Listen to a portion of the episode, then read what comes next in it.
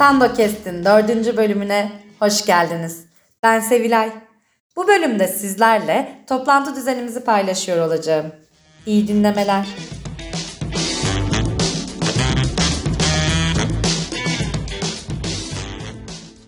Resmi toplantılar genel olarak iki haftada bir olmak üzere önceden belirlenen toplantı yerinde, gününde ve saatinde gerçekleştirilir.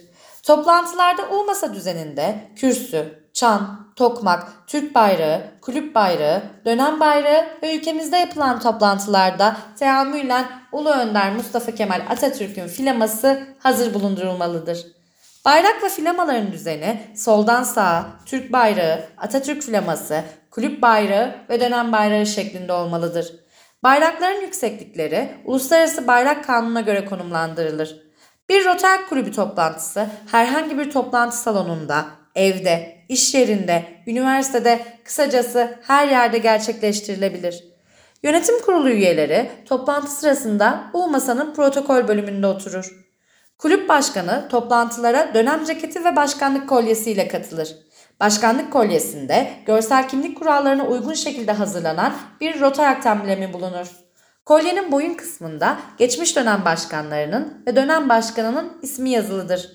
Toplantılar kulübün ve dönemin kaçıncı toplantısı olduğu başkan tarafından okunduktan sonra çana vurularak açılır.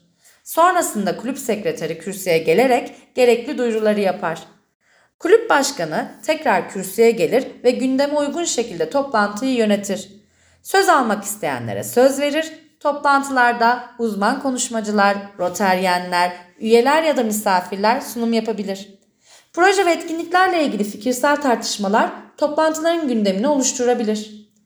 Toplantı kapatılmadan önce başkan tarafından toplantı sayıları tekrar okunur ve çana vurulur. Böylece resmi bir toplantı sonlandırılmış olur.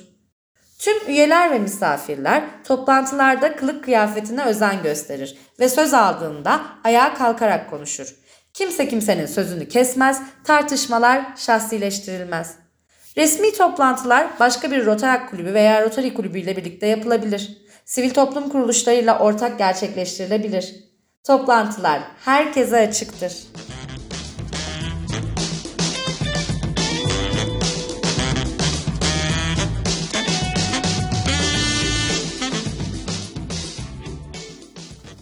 Herkese merhaba. Ben Erdeniz. Sizlerle projelerimizi nasıl belirlediğimizi paylaşmak istiyorum.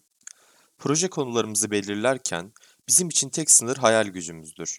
Rotarak'ta projeler toplumun ihtiyaçlarına ve bizlerin projeyi gerçekleştirebilme gücüne göre belirlenir. Projelerde en büyük kaynağımız emeğimizdir. Çalışmalara başlamadan önce yapılacak projenin kaynaklarını, yapım süresini ve sürdürülebilirliğini göz önünde bulundururuz. Takım çalışmasını kuvvetlendirmek ve sorumluluk bilincini arttırmak adına projenin her aşamasında farklı kişiler arasında görev paylaşımı yaparız.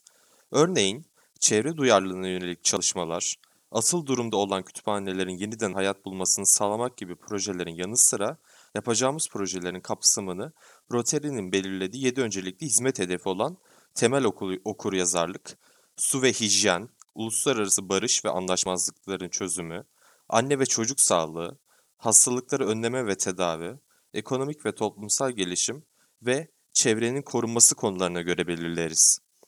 Bu bağlamda çocuk felcini dünyadan silmek üzere başlatılan proje, Rotary'nin en uzun soluklu ve en çok emek isteyen projesi olmuştur. Rotary, proje ortaklarıyla birlikte bugüne kadar 122 ülkede 2,5 milyardan fazla çocuğu çocuk felcine karşı aşılamıştır.